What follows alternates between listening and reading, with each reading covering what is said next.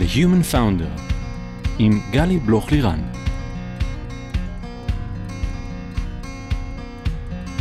היי, כאן גלי בלוך לירן וברוכים הבאים ל-The Human Founder, הפודקאסט שבו מדברים על ההיבטים המנטליים של המסע היזמי. כולם מדברים על ה roller coaster שכרוך בלהיות יזם ואולי גם משקיע, משהו שכמטאפורה מדמה את ה sequence של מניה דיפרסיה. איך חווים low חזק כשחווים לידה שקטה? ואיך מרגישים היי מטורף כשבאמצע הקוביד עוזבים את הכל ומקימים קרן השקעות סיכון חדשה משלך. והמקום הזה, חוסר הוודאות הזה, הצורך לשמור על עצמנו כל הזמן, ברמת ניהול עצמי גבוהה, אנרגיה גבוהה ועם חוסן מנטלי להתמודד עם הכל, זה ממש לא פשוט. בכל פרק אני אשוחח עם יזמים, משקיעים, יועצים, פסיכולוגים, במטרה לתת מקום ללייר הנוסף הזה שפחות מדברים אותו בקול רם, ההיבט המנטלי שמלווה את הדרך היזמית, וגם אשתף עצות וכלים שיסייעו לכם לייצר פוקוס, בהירות וחוסן מנטלי כדי להיות יזמים ומשקיעים מאוזנים שטוב להם. היום איתי כאן שחר בוצר, אהלן שחר. היי, אהלן. איזה כיף שאתה פה. שנייה לפני שנצלול לפרק, סמנו לכם לעקוב אחרי הפודקאסט באפליקציה בה אתם מאזינים, Spotify, Google Podcast, Apple Podcast ונוספות. כך תשמרו את האצבע על הדופק ותהיו מעודכנים עם כל הפרקים שיוצאים ישירות לפיד שלכם, וגם זה יעשה לי נעים בלב. לחצתם follow? בואו נצלול. שחר, אתה change maker, העוסק בהשקעות, שותף מייסד של Good Company, קרן הון סיכון המשקיעה בשלבי pre-seed בתחומים המשפיעים על אנשים ועל האקלים בעולם שלנו. אב לארבעה, נבו, ינאי, ארד ודריה, נשוי למירי, ואיזה כיף שאתה פה איתי עכשיו. כיף להיות פה, תודה שהזמנת. נהדר, נהדר. אז uh, מאיפה נתחיל? וואו, יש הרבה נקודות מעניינות בחיים שלך, שרלוונטיות ככה ליזמים ולמשקיעים ולכל הדברים שאתה התמודדת ומתמודד איתם. אז uh, רגע נתחיל שנייה מההתחלה. אתה יושב פה בכיסא גלגלים, נולדת עם מחלת ניוון שרירים. תספר לי רגע ב... מלמעלה, איך הדבר הזה בעצם מלווה אותך בכל החיים, בכל העשייה שלך, והופך גם להיות חלק ממי שאתה וממה שאתה עושה ומביא. כן, אז, אז יש לי אה, באמת איזשהו סוג של ניוון שרירים שהוא די סטטי כזה, מגיל ההתבגרות אני באותו אותו מצב, למזלי הוא לא מתדרדר, והאמת שמבחינתי זה, זה תנאי מגרש, זאת אומרת, אני לא מכיר משהו אחר, כמובן שהיה התמודדות סביב זה, זאת אומרת, אין ספק שאתה בתור ילד לאט לאט מבין שאתה לא הולך וכולם הולכים, ואתה אמ, מוצא את הדרכים היצירתיות להשתתף בשיעור ספורט, או לרקוד סלואו, כאילו, וכן הלאה. אמ, ויש הרבה עניין של התבוננות מהצד, ו- ואני חושב שאולי זה מה שעזר לי, אה, או השפיע עליי, כאילו, במקצוע שאני נמצא בו היום. התבוננות מהצד, הכוונה שלך, לראות על איך אנשים מתבוננים עליך בסיטואציה? או התבוננות מהצד של אנשים עליך? לא, תדייק. יש, יש, באמת יש את שני הדברים, זאת אומרת, יש, אני גדלתי, קודם כל, אני, היה לי המון מזל. גדלתי אצל הורים מדהימים, שעזרו לי אה, מצד אחד להיות מאוד אותנטי, זאת אומרת, להבין את הסיטואציה, להבין מתי נותנים לי קרדיט שמגיע לי, ומתי לא, ו, ומתי מרחמים עליי, וכאילו, לא להתבלבל מזה, וכאילו לדאוג להיות מוצלח לא רק ביחס לנקודת פתיחה, שנגיד היא שונה, שזה נגיד אבא שלי מאוד דאג לצד הזה שאני לא אתבלבל ואדרוש מעצמי המון, ו... ואימא שלי דאגה שאני לא אתרגש מזה שמסתכלים עליי, ושאני אהיה מאוד גאה בעצמי, ושאני אהיה מאוד עצמאי. וכזה, אני גדלתי בין כזה מין שילוב של ביטחון עצמי מופרז וביקורת עצמית מופרזת. אז זה, זה משהו טוב. ש... כן, שהבלנס ביניהם היה טוב בסופו של דבר, ו, ובאמת זה המון מזל. ואז אה, מצד אחד, אה, אני קשוב מאוד למה קורה בסביבה שלי. אני מאוד רואה ניואנסים, אני מאוד יודע לזהות אנשים, יודע לזהות כאילו אופי של אנשים, שזה דבר מאוד עוזר למשקיע פריסיד. מצד שני, אני לא נותן לזה לחדור המון אליי, זאת אומרת, אני יודע מה אני, ויש לי איזה מצפן פנימי, ו... וזה שאני קשור לסביבה, זה לא אומר שזה מכתיב לי את מה אני מרגיש כלפי סיטואציה, או כלפי, כלפי עצמי בסיטואציה וכן הלאה, זה כאילו... יש לזה גם, אני כל הזמן אומר גם לילדים שלי, שבכל דבר, עלייה וקוץ בה, בכל mm-hmm. דבר טוב יש גם רע, וצריך לדעת לראות את שני הדברים בצורה מאוד בלנס.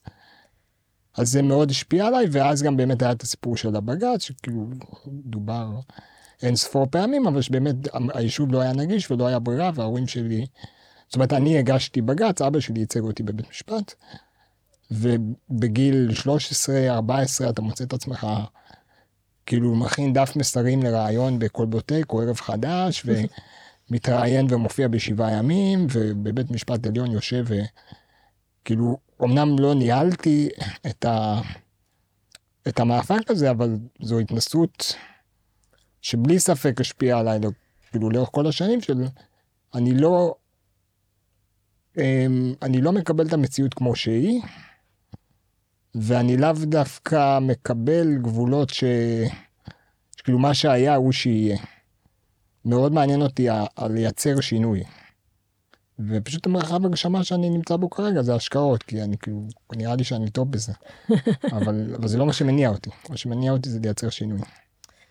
אתה מתאר ככה ואני מסתכלת עליך ככה מדבר ובשלווה כזאת אה, סטואית קצת אפילו קצת איך אתה בעצם זה סיפור של בחירה. אתה מתאר אותו פה בכל מיני אופנים איך נולדת עם נסיבות בנסיבות מסוימות זה המצב ואיך מגיל מאוד מאוד אה, צעיר גם זה מה שההורים שלך הקנו והתוו לך וזה די מדהים היכולת הזאת ככה לראות את המציאות נכוחה כפי שהיא ו, ו, ולקבל המון המון כלים של דיוק, שמעתי ממך המון המון כלים של דיוק, של יכולת כזאת של אה, פילטר או ממברנה כזאת מאוד מאוד דקה, לראות את החיים מכל מיני מקומות מאוד מאוד דקים, איך, איך מרחמים עליך, או איך מעריכים אותך, איך אה, להקל על עצמך פה, או איך אה, להת, להתמסר בכל הכוח לדבר הזה, איך ללכת עכשיו כנגד משהו, כי אתה מבין שפה זה לא צודק, ואתה נכנס עם הראש בקיר ונלחם בדבר הזה ומייצר שינוי בגיל סופר צעיר, כשאנחנו עסוקים בדרך כלל דברים הרבה פחות ברומו של עולם, ואיך גם אה, אה, להתחיל לדייק את המצפן הפנימי הזה שלך ו- ולהקשיב לדברים,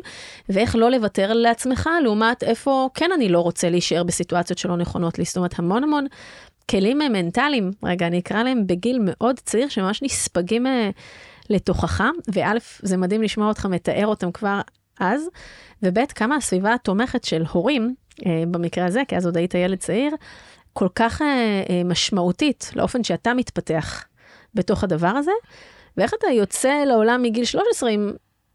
אתה יכול להסתכל על עצמך באופן אחד, ואתה יכול להסתכל על עצמך באופן אחר לגמרי, וזה, וזה זה ה playground, ככה אתה משחק בו. מצד אחד עם המוגבלות הזאת, ומצד שני, איך אתה עושה את כל מה שאתה רוצה ויכול, ועוקף את זה אה, בדרכים אחרות, וגם מייצר המון המון impact, בלי שזה תהיה רגע מילה נדושה מדי, אבל הכי אמיתי. כי יש אנשים שיכולים לדבר על זה, אבל יש אנשים שחיים את הדבר הזה מכורח הנסיבות.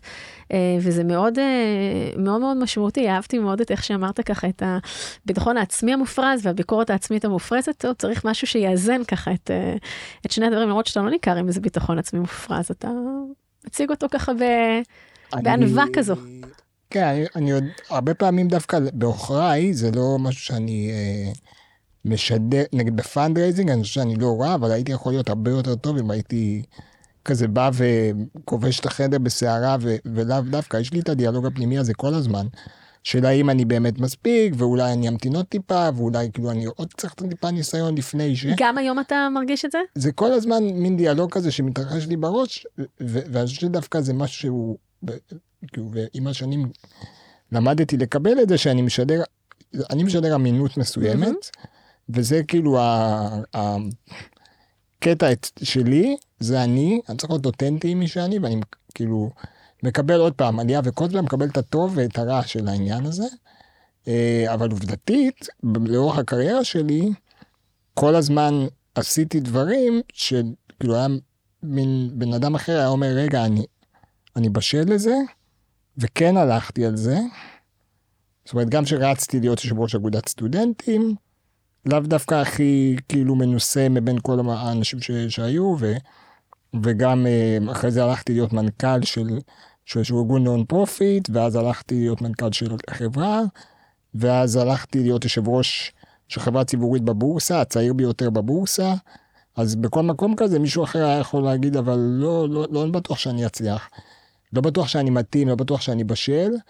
גם המעבר ל-2B, שלפני זה לא היה לי ניסיון בהשקעות אה, early stage, וגם ללכת ולהרים קרן בקורונה. אז בכל מקום כזה היה איזה מין, אני חושב שהייתי 80 אחוז מוכן, ועדיין קפצתי על זה, אה, אבל שידרתי לסביבה.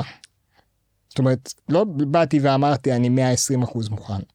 אמרתי, אני 80 אחוז מוכן, אני יודע שאני 80 אחוז מוכן, עשיתי את הקפיצות האלה בעבר, אני סומך על עצמי שאני כאילו אהיה טוב מספיק וכן הלאה, ובאמת השלמתי את זה.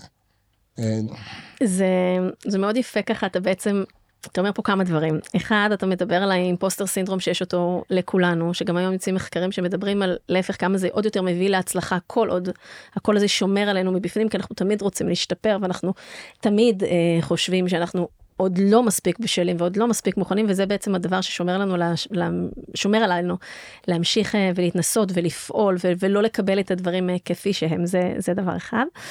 והדבר השני, אה, פרופסור קרול רובין בקורס שלה בסטנפורד, ב Touchy Feely, מדברת על אזור הלמידה. יש לנו את אזור הנוחות שבו אנחנו הרבה פעמים נמצאים ופועלים, ויש לנו את ה-zone of danger, שזה אזור הסכנה, שאנחנו, שם אנחנו משותקים, אנחנו לא יודעים איך לפעול, אנחנו לא רוצים, זה מסוכן לנו. אבל יש לנו את אזור הלמידה, שאזור הלמידה זה כל פעם בעצם לנוע ב-15 אחוז לעבר הדבר הבא, לעשות צעד. ואז צעד זה כמו ריבית דריבית, אתה עושה צעד, ואז אתה עושה עוד צעד מהצעד, ואז זה ככה כל הזמן גדל, ו- וזה בדיוק uh, מאוד יפה איך שתיארת את ה...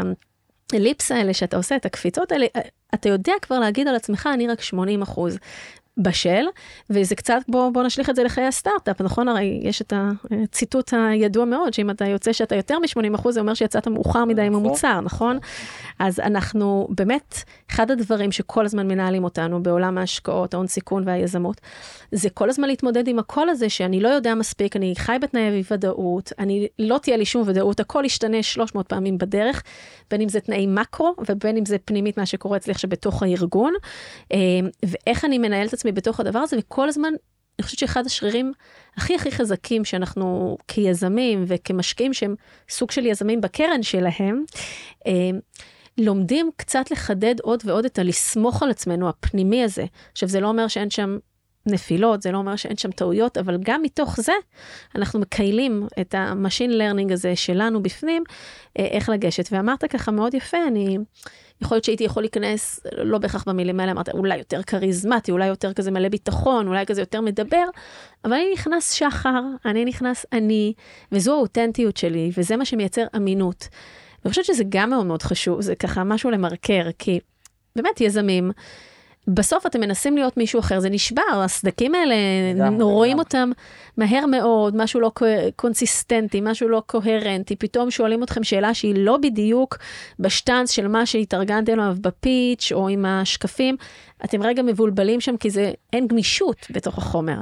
וברגע שאנחנו מביאים את עצמנו וכל הזמן משפרים את עצמנו הזה כמובן, אבל עם המון אותנטיות, לפעמים לא יודעים רגע לענות, ולפעמים שנייה חושבים, ולפעמים אומרים, נתייעץ ואחזור, או וואו, הערת לי פה עכשיו נקודה מדהימה, אני צריך רגע to explore it a little bit further, זה, זה מדהים, וזה בסוף מה שמחבר בין אנשים. כן, זה, זה, בא, זה מתחיל מאפילו איך אתה נכנס לחדר ובוחר אם לעשות אה, את הפרזנטציה עם אה, מצגת או בלי מצגת, ואתה צריך להכיר את עצמך ולדעת. להגיד אני פחות טוב, אני, אני עובר יותר טוב ככה. מה אתה אוהב? ולא, אני אוהב שיזמים עושים, לגבי עצמי, לגבי יזמים אני אוהב, ואני גם אומר להם, תעשה, כאילו תעשה את זה כמו שלך נוח לעשות את זה, או תעשי, ו, ו, ואני יודע כאילו, אני אדע לשאול את השאלות, בסדר, אני מספיק מנוסה, לא, לא יהיה נושא שלא נדבר עליו, שחשוב לדבר עליו בפגישה ראשונה. חשוב לי שהבן אדם ירגיש בנוח עם עצמו, אני כן מצפה כמובן שהם ילמדו לאן הם הגיעו ו- ומי אנחנו ולמה אנחנו רלוונטי אל- אליהם וכן הלאה, אבל צריך לשמור על איזה מצפן פנימי ש- שלך ושל הצוות שלך, וגם באמת להיות מאוד אותנטיים בשאלות, כמו שאת אומרת, ולא לנסות ל- ל- להגזים, כאילו אפשר להגיד, כן, זה עוד לא לגמרי מוכן, ואנחנו, אבל סומכים על עצמנו, כי עשינו בעבר א', ב', ג'. זה יגיע לשם, או, או זו שאלה שאני צריך עוד טיפה לבדוק, ואז לשלוח אימייל באותו יום שבדקת.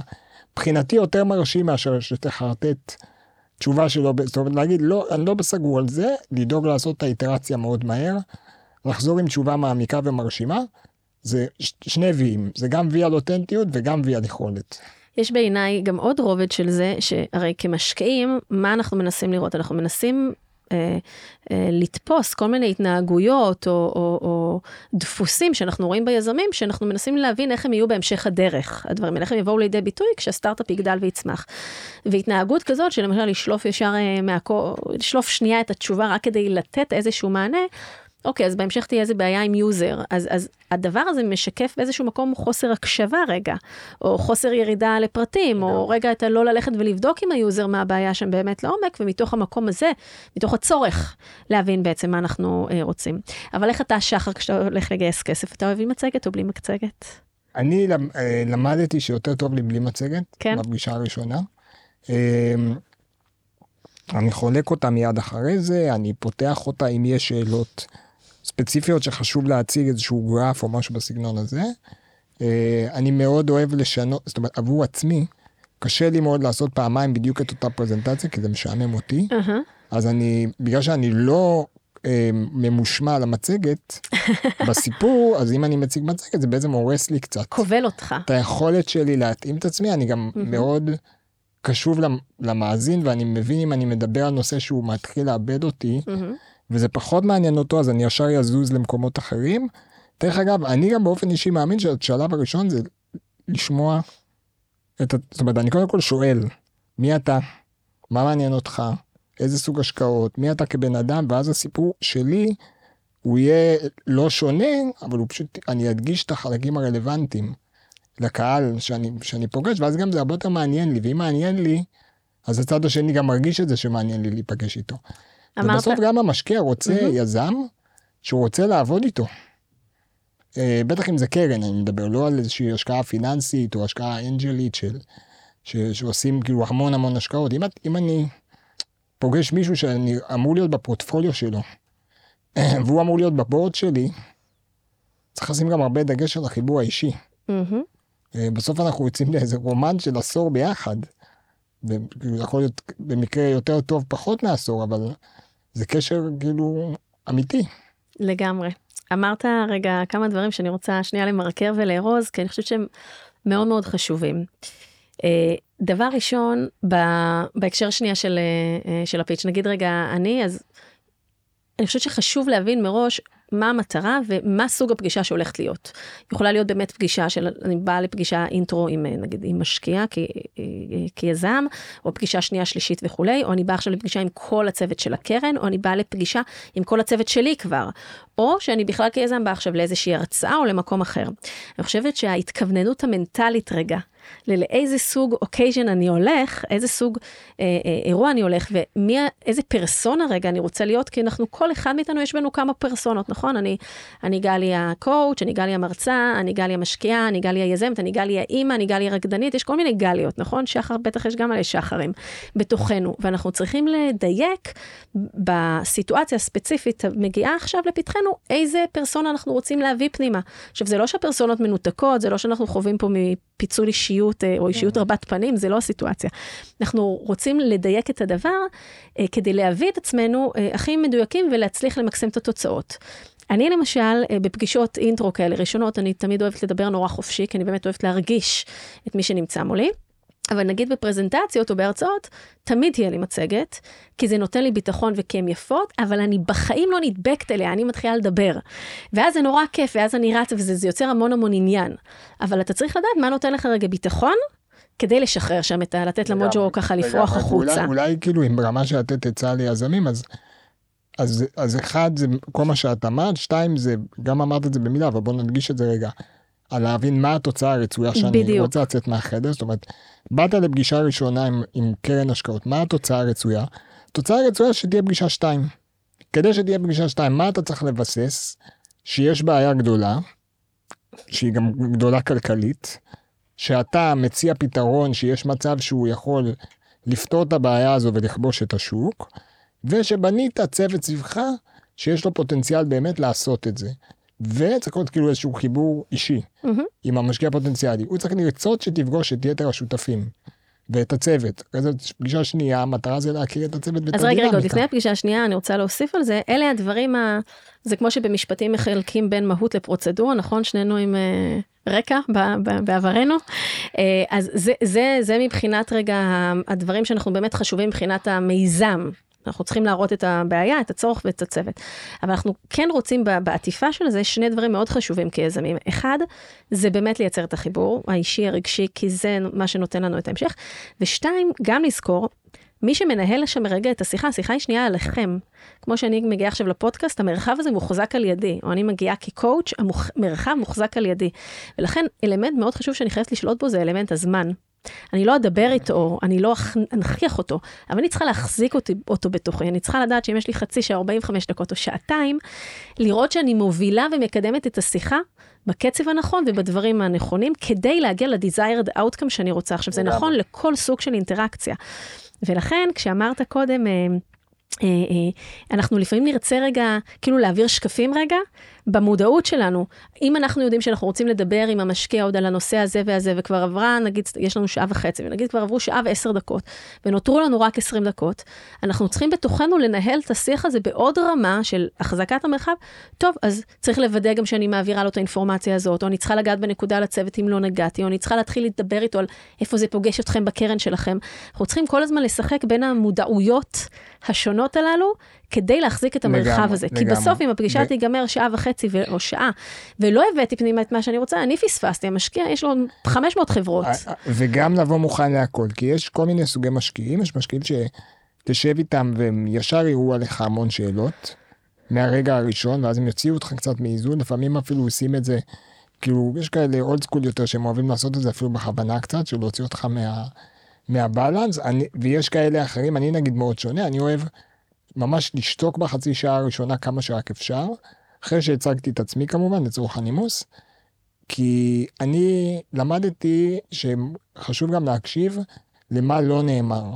זאת אומרת, אני נותן לבן אדם לדבר עד שהוא יעשה פאוז, ואני גם כותב לעצמי מה הוא לא אמר. זאת אומרת, אם הוא בחר לא להדגיש דברים מסוימים, היו לטנדם, אבל מבחינתי יש לזה גם איזושהי סיבה. הוא בחר בזה. כן, וגם אם הוא לא יפסיק לדבר, ולא ישאיר זמן לשאלות, אוקיי, אז הוא לא ישאיר זמן לשאלות. זו בחירה שלו. Mm-hmm.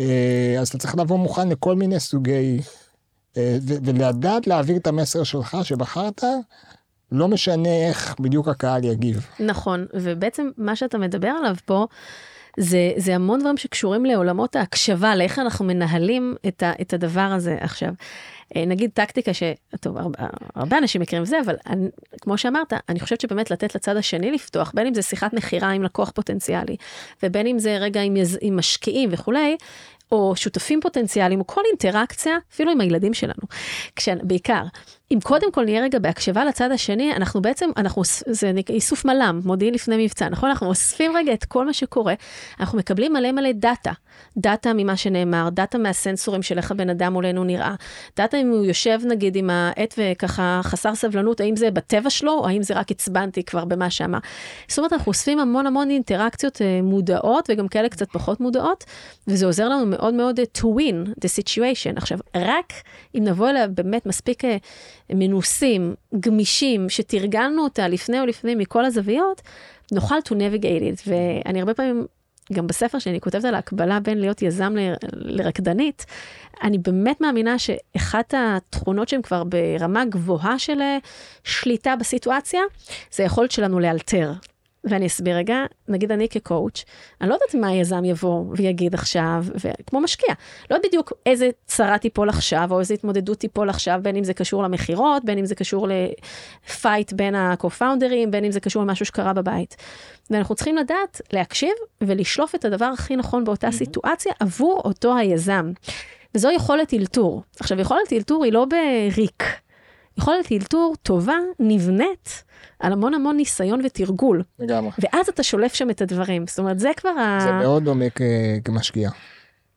וזה העניין. כמשקיע וזאת... שהוא גם, בו, אני מתכוון שהוא גם עובד עם, אני מדבר על שלב של פוסט ההשקעה, mm-hmm. והליווי של החברה כבורד ממבר, מנטור, אדוויזור, לא משנה. זה מאוד מאוד דומה, להיות שם עבור הצד השני במציאות משתנה, ללא הרף. ללא הרף. כן. ואתה לעולם לא יודע אם העצה שתשיא, או הכיוון רק שתיקח, אם זה הדבר הנכון, כי זה רק צופה פני עתיד, זה, לא, אנחנו לא בחוכמה שבדיעבד פה, אבל הכוונון הפנימי הזה וההמון המון, כמו, כמו AI, נכון? זה כבר רץ על המון המון המון דברים, אז זה נבנה בתוכך בצורה. מסוימת, ומשם אתה יודע להביא את זה. אז בוא, אמרת כמשקיע, בוא נחזור רגע לשנים הראשונות שלך. כמשקיע אחרי הבג"ץ ואחרי שהיית יושב ראש אגודת הסטודנטים ועשית המון המון דברים לאורך החיים ככה בעת של אימפקט ותכף נבין איך זה מחבר אותך אחר כך. אבל אה, כמו שיזמים מתמודדים עם אין סוף challenges והחלק האישי לא, לא פוסח עלינו כי תמיד אומרת אין הפרדה בין ה... כיזם, אין הפרדה בין האישי למקצועי במובן של מה שקורה לי בבית משפיע על התפקוד שלי ולנסות לנתק את הדברים זה קצת כאילו לנסות לא להסתכל למציאות בעיניים עם מה שקורה. הדרך היותר נכונה לדעתי היא להבין שזה מה קורה, שקורה, לתת להם רגע את המקום ולהבין איך אנחנו מנהלים את המשאבים שלנו לאור ההתמודדויות האלה, אלא לא לנסות לטאטא אותם אה, מתחת לשטיח, זה לא עובד. אז אתה משקיע מאוד מאוד צעיר, ואתה בעצם נאלץ להתמודד עם אירוע מאוד משנה חיים בחיים האישיים שלך. כן, אני אגיד במילה שבעצם אחרי הסטודנטים עשיתי שלוש מיקרו קריירות, אחת ב non-pro, הכל בעמדה של מנכ"ל או, או chairman, אה, בחברה non-profit, ואז for-profit, ואז בחברה ציבורית, ובאמת הגעתי לעולם ההשקעות בלי ניסיון, זאת אומרת עם ניסיון בהשקעות בחברת החזקות, אבל בלי שום ניסיון ב-early stage.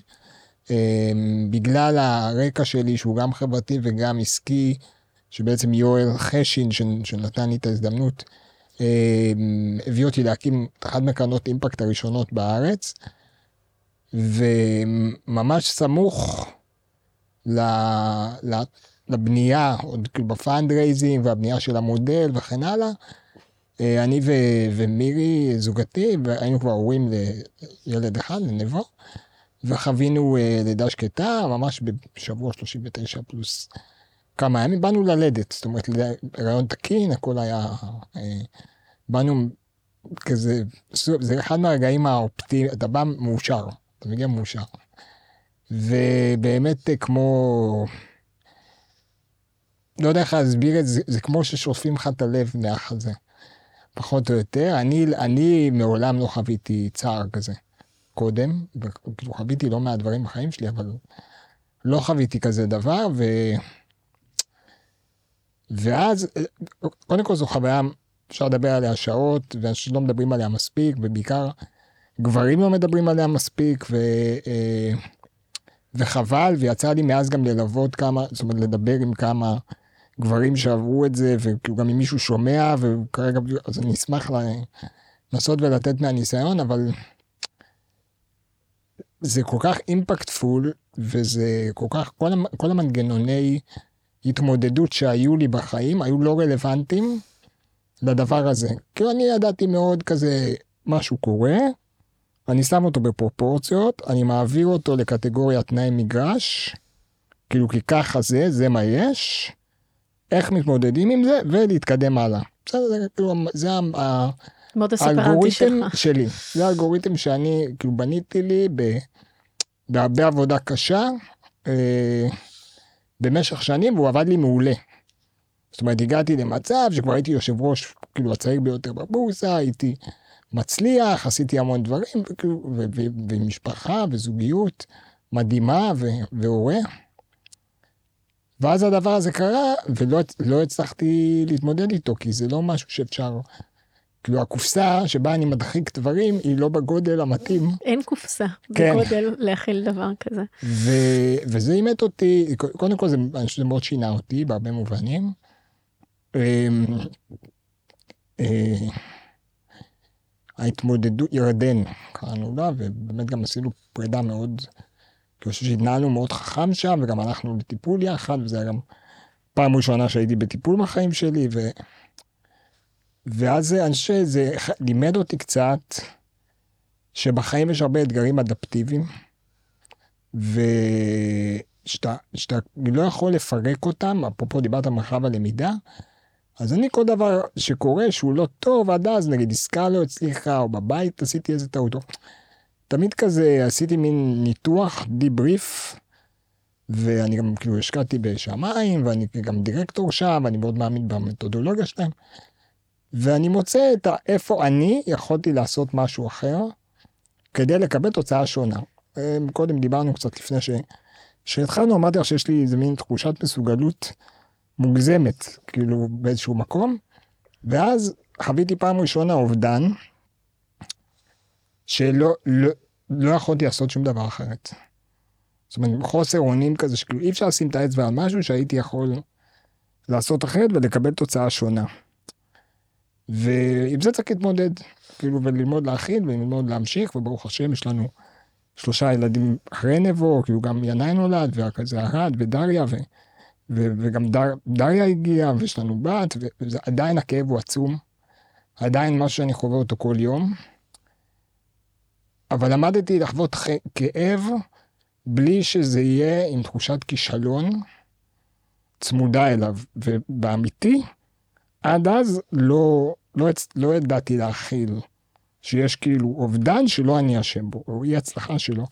עכשיו, לא שאני משווה, כי זה באמת חוויה שהיא בעוצמות יוצאות דופן, והיא משפיעה בהמון מקומות, גם שם היא משקיעה, גם כמשקיע, להיות משקיע early stage, ששם את הצ'ק הראשון בחברה ועובד עם צוות, ומשקיע הרבה, זאת אומרת, אנחנו, כאילו, באופי שלי, וגם עידו, וגם גם שעבדתי ביו, אנחנו כאילו מאוד מושקעים בחברות נפשית וכספית ו- ושעות ומשאב, כל משאב קיים, ואז אתה לא מצליח. ואני כבר, יש לי באמת כמעט תשע שנות ניסיון במשקיע early stage, חוויתי גם מחיקה של חברות, ואתה לומד, אתה אומר מה, כאילו, איזה אורות נגיד אפשר בעתיד לשים לב אליהם וכן הלאה, אבל אתה חייב לדעת לשחרר את זה. אתה לא יכול כאילו, אי אפשר להיות משקיע פריסיד, שעל כל אי הצלחה הוא מלכה את עצמו, שכאילו זה קרה בגללי, ואני הייתי יכול לשנות את זה, ויכולתי לא להשקיע, או אם רק היו מקשיבים לי, או... בסוף משקיע זה קצת כמו הורה.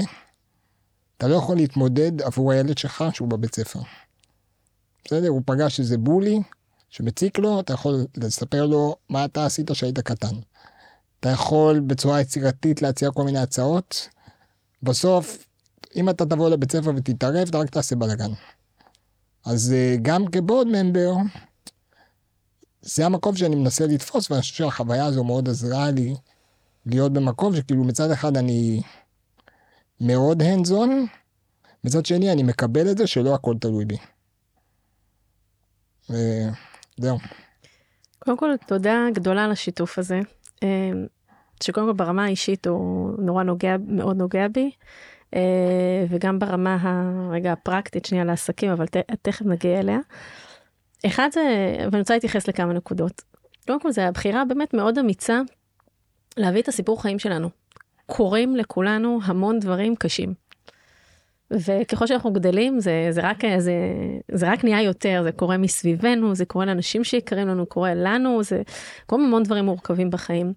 ואחת הלמידות שאני ממש מרגישה בשנים האחרונות זה איך הדברים האלה הם, הם, הם חלק מהמסע שלנו ואיך הם אינטגרייטד לתוך מה שקורה וגם שאלה החיים.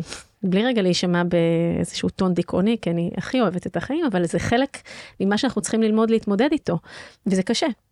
אה, וזה מאוד קשה, ו, ו, ואני ככה מקשיבה לך מצד אחד לסיפור שלך, ולא לא, לא מזדהה עם הפרטים, עם הסיפור, זה, זה לא קרה לי, תודה לאל, אבל אני בעצמי חוויתי אובדן מאוד קשה וטרגי, ואיך הדבר הזה... Uh, הוא חלק בלתי נפרד בעצם ממה שמלווה אותנו והופך אותנו למי שאנחנו, ועוזר לנו להביא את ה...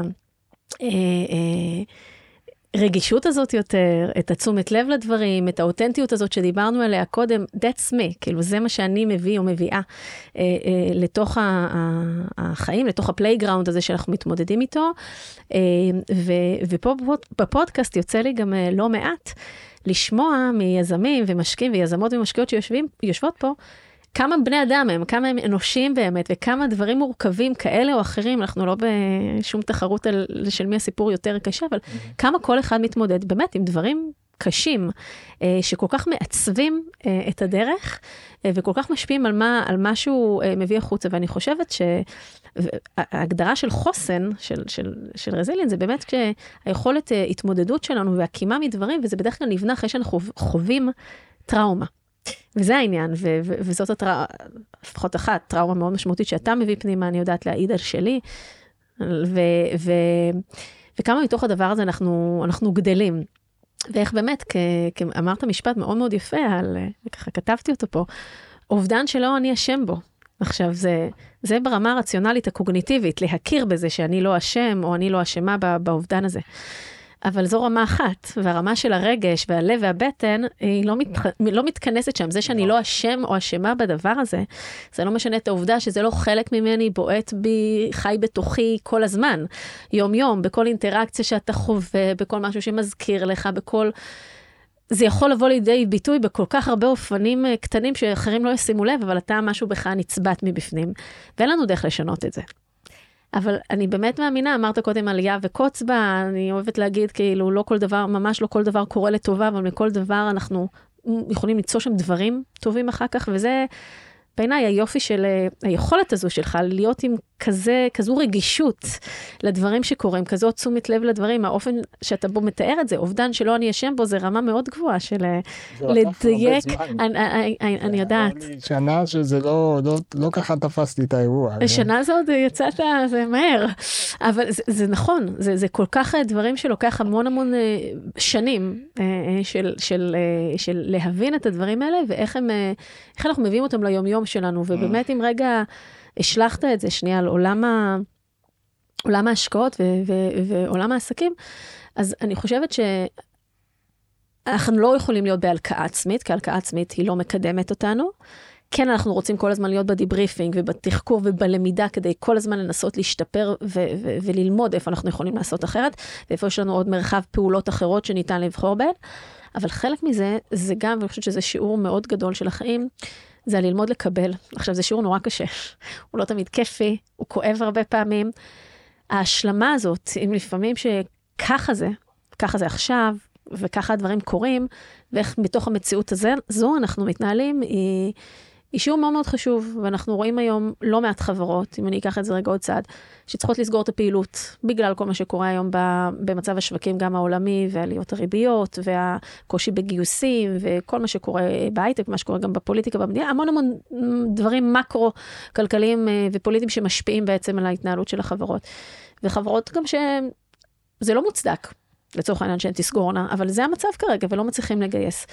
ומשהו בדבר הזה של אנחנו יכולים ולגיטימי מאוד שנחווה את התסכול ואת החוסר אונים רגע שאנחנו חווים, חווים כלפי הדבר הזה, אבל משהו גם בנו שצריך ללמוד רגע לקבל שנייה את המציאות. ולא תמיד אנחנו יכולים ללכת עם הראש בקיר. ולפעמים עדיף עכשיו רגע לסגור ואפילו להחזיר עוד קצת כסף שנשאר אה, למשקיעים, או אפילו אם כבר לא נשאר כסף, מאשר רק איך להחזיק את הראש מעל המים בשנתיים הקרובות בכל מחיר, אבל מה המחירים האחרים שנשלם על הדבר הזה? בזמן ובאנרגיה וביחסים עם השותפים וביחסים עם הבית. אז רק אולי כדי לסגור את הנקודה הזאת, זה באמת הכל שיח של מחירים, שאנחנו כל הזמן צריכים להיות... יש, יש איזה בעיה, אני כן צריך להתייחס לזה, יש איזה בעיה, אנשים מתבלבלים לדעתי הרבה פעמים בין רזיליאנסי, שזה לגמרי נגיד משהו שתיארתי, שעברתי כאילו גם עדות של להתמודד עם נתוני הפתיחה שלי באופן אישי, וגם במקרה הזה, ועוד הרבה דברים שעברתי בחיים, לבין עקשנות שהיא לא... לא מקדמת. היא לא מקדמת. נכון. ואני חושב שרזיליאנסי, אנחנו הם, קצת משווים את זה, בגלל שבצוות שלי הרבה אנשים אוהבים את הים. אה, עידו, כאילו כמובן קודם השותף שלי, וגם סנדרה ואחרים. אז משווים את זה קצת לנווט במים סוערים. זאת אומרת, רזיליאנסי זה לא להגיד, אני ממשיך עם המוצר שלי כמו שהוא, בכל מחיר, עד שהשוק יבין שמה שאני מציע הוא מדהים. לא. רזיליאנסי זה לדעת לראות את המציאות נכוחה, להתעקש, אבל לא להתעקש יותר מדי ולא להתעקש מעט מדי, לדעת להבין מתי מה שאתה עושה כרגע לא עובד או לא מתאים, ולהגיד אוקיי בואו נמצא use case שהוא יותר רלוונטי למוצר הזה בעולם שהוא היום, שהוא עוד לא אוטופי, ונגיד לא כל המכוניות הן כבר אוטונומיות, אז בואו נמצא, לא יודע, רמזור שמאלה בארצות הברית זה use case שהוא, סתם אני זורק. כן, כן.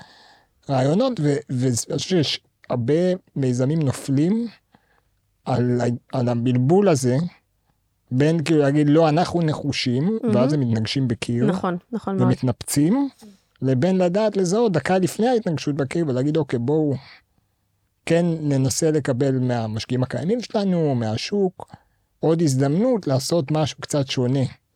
וזה אה. הקומפוננטה הנוספת הזאת שהיא באמת קריטית, ואני גם כותבת עליה הרבה והדגשת, אני קוראת לה בעצם הגמישות. זאת הגמישות המחשבתית שלנו, גם הפלקסיביליטי וגם בעצם המוח הפלסטי שלנו, כי הוא פלסטי, הוא הרי משתנה כל הזמן והוא לא חוזר לאותו דבר, הוא משתנה והופך להיות קצת משהו אחר, ואותו דבר צריך גם להיות בסטארט-אפ.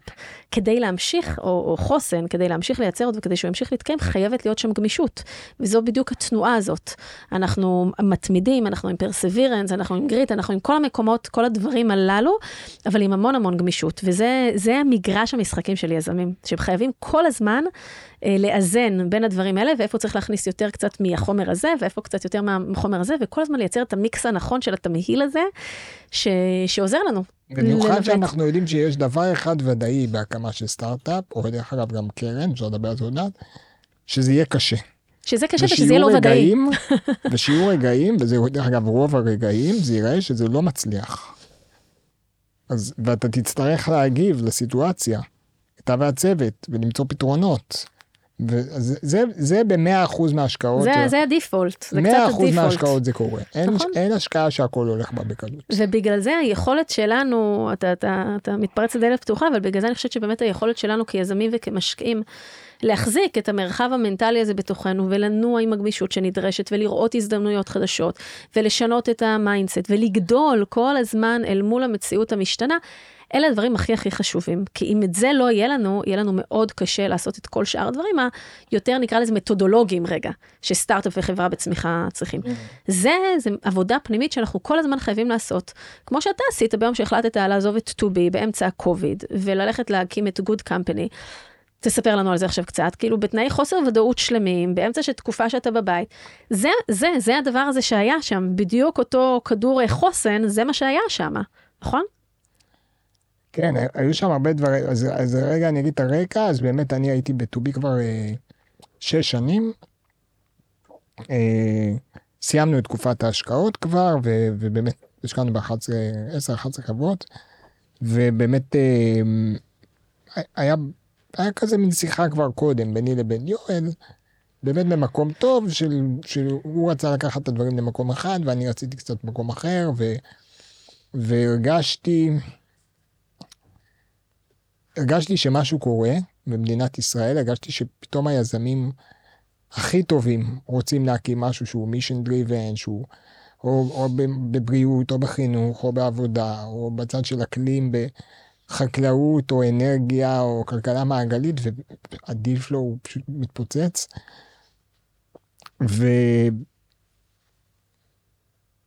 ו- והגיע הקוביד ואני מנגד, באמת הייתי באי ודאות נורא גדולה, כי אני בסיכון, והייתי במצטבר איזה 11 חודשים בבית, ובעצם את רוב ההקמה, כולל סגירת השותפות ביני לבין עידו וכל המערכת, הטנגו הזה, כאילו, כן הכרנו כקולגות וכזה קצת חברים, אבל את ההחלטות הגדולות לגבי השותפות ומה נעשה ואיך נעשה ואיך זה יעבוד, וכל בניית הזוגיות הזו, אמ, והחלטה לצאת לדרך והחלטה לעזוב, מקום טוב ומתגמל ו, ומקום שנתן לי הזדמנות מאוד גדולה. אמ, ולקחת סיכון שאני 80 אחוז בטוח שאני אצליח, אמ, ואפילו למצוא את הדרך לספר את הסיפור של הקושי כהזדמנות. קודם כל לעצמי, זאת אומרת, למה דווקא להקים בקורונה שיש אי ודאות כלכלית ואני לא יכול לצאת מהבית, ובסוף אני בא ואני מבקש מאנשים לתת לי את הכסף שלהם ושאני אנהל אותה, mm-hmm. אותו עבורם. וזה first time fun, first time team, שזה קשה anyway, mm-hmm. ואין לנו משקיע עוגן. Mm-hmm. אין לנו, זאת אומרת, אני ועידו התחלנו מלהשקיע כסף כאילו קטן שלנו. ו... ו... ובחרתי, ל... לה... זאת אומרת, קודם כל היה לי תמיכה מאוד משמעותית ממירי ו, ובבית, ותחושה כללית שאתה מרגיש שיש לך גב. זאת אומרת, גם המשפחה, ההורים, וגם שהוא בבית, שיש גב ומאמינים שתצליח ולך על זה, ו- וזה דבר אחד. דבר שני, השקט של להיות בבית, הוא אפשר לי, אני לא בטוח שזה היה קורה בלי, אה, בלי השקט הזה, כי זה אפשר לי כאילו להיות מאוד מחובר לעצמי. התחלתי באותה תקופה גם לעשות הרבה מדיטציה, ובאמת זה מאוד עזר לי ל... להגיד, אני הולך על זה, ואולי זה יצליח, ואולי זה לא יצליח, אבל זה הזמן. אה, וגם החיבור עם עידו. זאת אומרת, גם ההבנה של לעשות את זה לבד, או שכאילו הרבה פעמים אנשים לא מבינים כמה הבנייה של הצוות לפני שיצאת, היא קריטית להצלחה, או לפני שהתחלת לעשות שורת קוד אחת. זאת אומרת, יכול להיות שהסטארט-אפ נסגר עוד לפני שהוא התחיל, רק בגלל דינמיקה לא בריאה בין פאונדרים, שזה בכלל לא משנה איזה כאילו מוצר מדהים הם בנו, זה לא התרומם, זה לא, זה לא התנתק מהקרקע הדבר הזה. כל כך נכון. ו... איך אתה ועידו הכרתם? הכרנו דרך איזה חבר משותף שהוא, שהוא אפילו לא בארץ, הוא עובד אצל אג שמיט mm-hmm. בניו יורק, והוא כזה פגש, כאילו, הוא מכיר אותי, הוא הכיר את עידו. והוא אמר לי, עידו, תשמע, עידו התחיל להתעניין בהשקעות שהן יותר mission driven. הוא מגיע כאילו מהמיינסטרים לגמרי. במדטק. הוא היה ב-SAPIO, הוא היה ב-F2, ו... ואמרו לו כזה, כי אומרים, אוקיי, שחר הוא אחד המשקיעי אימפקט הראשונים בארץ, וזה שווה להיפגש. ונפגשנו והיה מיד קליק, ואז התחלנו לראות עסקאות כקולגות, זאת אומרת, אני עוד הסתכלתי בכובע של טובי, הוא היה ב-F2, ו... ועם הזמן הקשר נבנה, ראינו שאנחנו אוהבים את אותם דברים ולא אוהבים את אותם דברים. אמ, הזוויות מבט שלנו מאוד מאוד שונות. זאת אומרת, אני ישר הולך ל business case, ל unit economics, למספרים ולאימפקט. עידו מסתכל הרבה מהצד, כאילו גם העסקי, אבל עם הבנה מאוד עמוקה של הטכנולוגיה אה, ושל השוק. אה, הוא היה גם ב-CVC, אז הוא כאילו מאוד יודע את הזווית של כאילו ה-acquire ומה, איך יראו את זה שותפים כאילו אסטרטגיים. ואז בקורונה יאמר לזכותו שהוא החליט שהוא עושה את זה. זאת אומרת, הוא היה לו מאוד ברור שהוא עושה את זה uh, anyway, והוא, וזה עזר לי גם לעשות את הקפיצה הזו.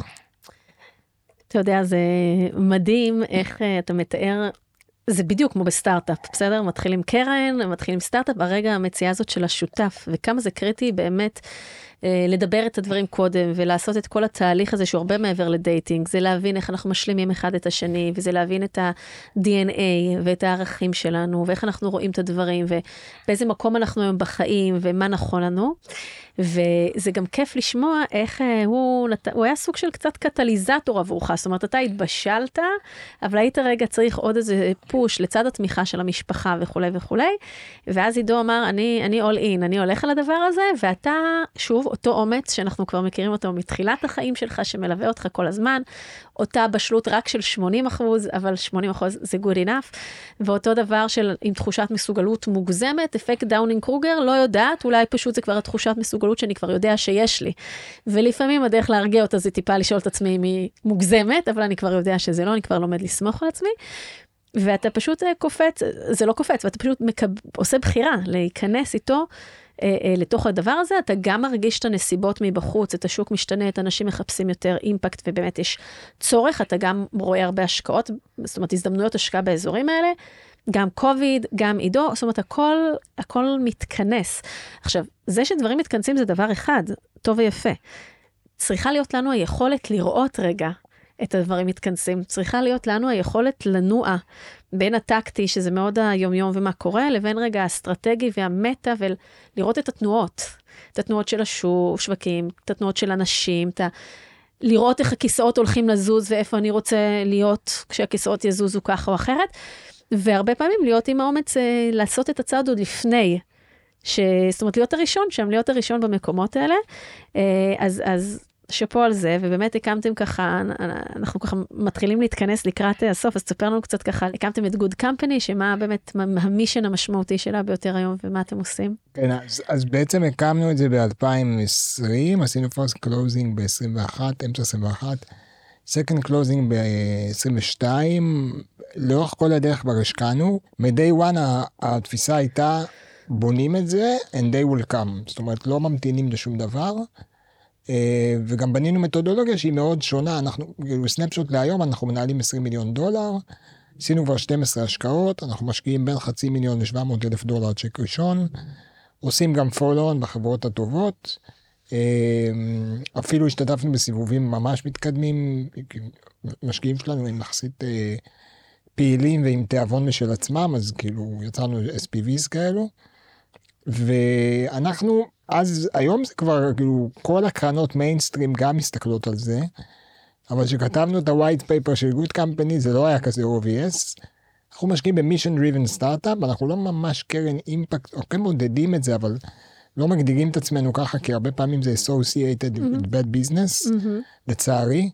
אבל uh, אנחנו משקיעים בסטארט-אפים שהמוצר שלהם פותר איזושהי בעיה משמעותית בעולם, בעולמות תוכן שלנו, שמקודם טיפה תיארתי, חינוך, בריאות ועבודה בעולם של אנשים, וחקלאות, אנרגיה וכלכלה מעגלית, בעיקר supply chain בעולם של אקלים.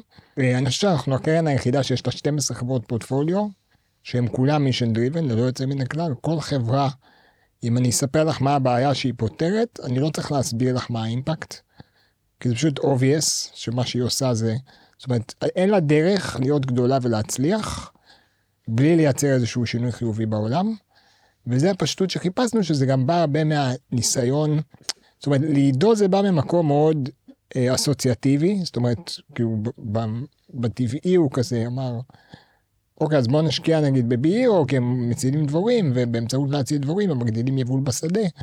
ואז אין להם, אה, כאילו, אי אפשר לעשות פה איזה טוויסט בעלילה, כן? זה, זה, זה הדרך הנר... היחידה. זה ה-use case, זה הנרטיב. ואני באתי למקום שבאמת ב-2B עשינו כל מיני סוגים של אימפקט, וגם עשינו אימפקט בדבר, כאילו השקענו בחברות שהאימפקט שלהם זה באיך הן בוחרות לעשות משהו, ולאו דווקא במוצר, mm-hmm. או בקהל יעד. Mm-hmm. ואז עם השנים הם יכולים פתאום, מגיע משקיע יותר גדול, הוא יכול לשנות.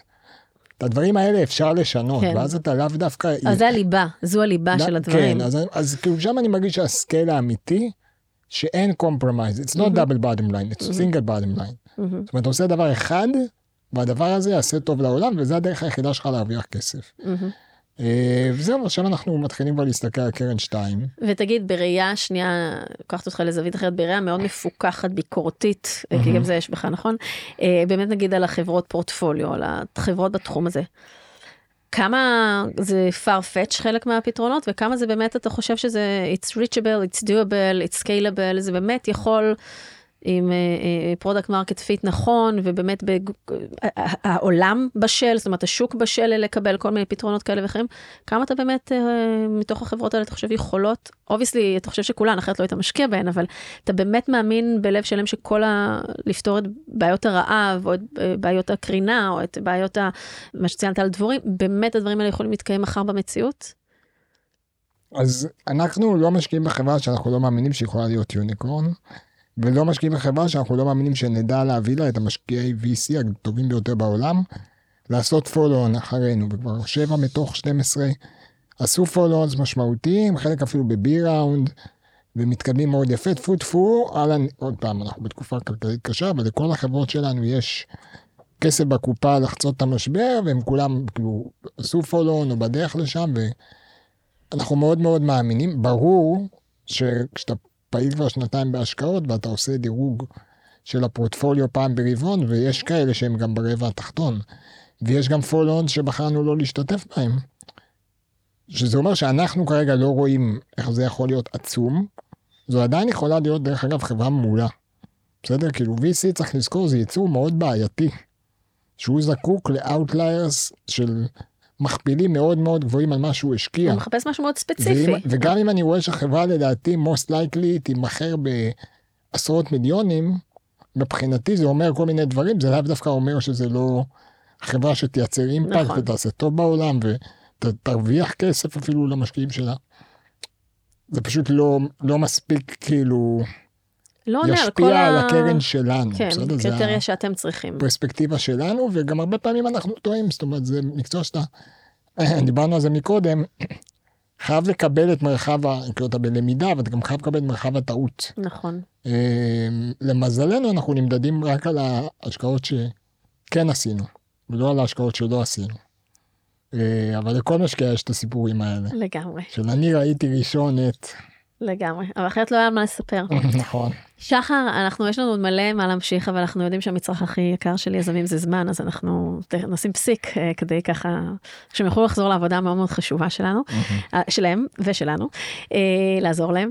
אבל באמת דיברנו על מלא מלא דברים מדהימים, מדברים אה, יותר רגע פרקטיים בניהול הזמן ובאיך לנהל את הפיץ' ואיך הדינמיקה בין היזמים ואיך להסתכל על השקעות, ודברים שהם יותר רגשיים שמאוד מאוד משפיעים על הדרך שלנו, שבסוף כולנו בני אדם וכולנו מתמודדים עם דברים, ואיך אנחנו נותנים לדבר הזה לבוא לתוך העשייה שלנו, uh, to engage the people around us, כי, כי כולנו מתמודדים עם דברים, ושוב רוצה להגיד לך תודה. ככה שפתחת את הלב אה, ו- ושיתפת, זה לא ברור מאליו, אני מאוד מעריכה את זה, ואני בטוחה שגם מי שיקשיב. אז אה, באמת היה כיף. איפה אפשר למצוא אותך, יזמים שרוצים ככה להתחבר ל Good Company, אליכם? אז הכי טוב זה באמת לפנות דרך, אני אומר בכנות, כאילו, במיוחד בתקופה הזו שכולם ב fundraising וכולם, הדרך הכי נכונה זה למצוא מישהו שמכיר, כאילו, אחד מהצוות שלנו, או אותי או מישהו אחר, ו, ולהגיע עם איזשהו רפרנס אה, שלם. אם לא, אז אפשר כמובן גם בלינקדין וב, ובאתר שלנו וכן הלאה, וכאילו, לתפוס אותי באיזה אירוע. וגם זה קורה. כן, יש לנו גם חברת פורטפוליו מאוד מאוד מצליחה, ריינו אקו, שהם הגיעו מקולד קול לחלוטין, זה הפעם הראשונה בחיים שלי שזה, שלי ושל עידו, שזה קרה. הכל יכול לקרות. והם היום אנשים, אנחנו מתים עליהם, והם הם מדהימים, ומאוד שמחים שהיינו קשובים לזה. מדהים. כי אפרופו, לראות, לראות את ההזדמנויות והן יכולות להגיע מכל מיני נכון, מקומות. נכון.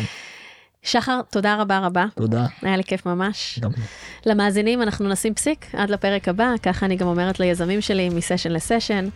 אותנו ניתן למצוא בפלטפורמות הפודקאסטים המובילות, Spotify, Apple Podcast, Google Podcast ו Podbean. מוזמנים לעשות subscribe כדי להתעדכן ראשונים על פרקים חדשים. אתם מוזמנים גם לבקר באתר שלי ב galibloch-liran.com ולהשאיר שם את הפרטים שלכם כדי להתעדכן וללמוד עוד על ההיבטים המנטליים של יזמים, וגם לעקוב אחריי, The Human Founder, ב LinkedIn, Facebook, Instagram, TikTok, לקבל את כל העדכונים. תודה ל Google for Startups שמאפשרים לי להקליט כאן את כל התוכן המאוד מאוד חשוב הזה. וזהו, אם נהניתם, אני ממש אשמח שתפיצו את הפודקאסט ליזמים ומשקיעים שאתם מאמינים שיקבלו ממנו ערך. שמים פסיק, ניפגש בפרק הבא. תודה, שחר, ביי.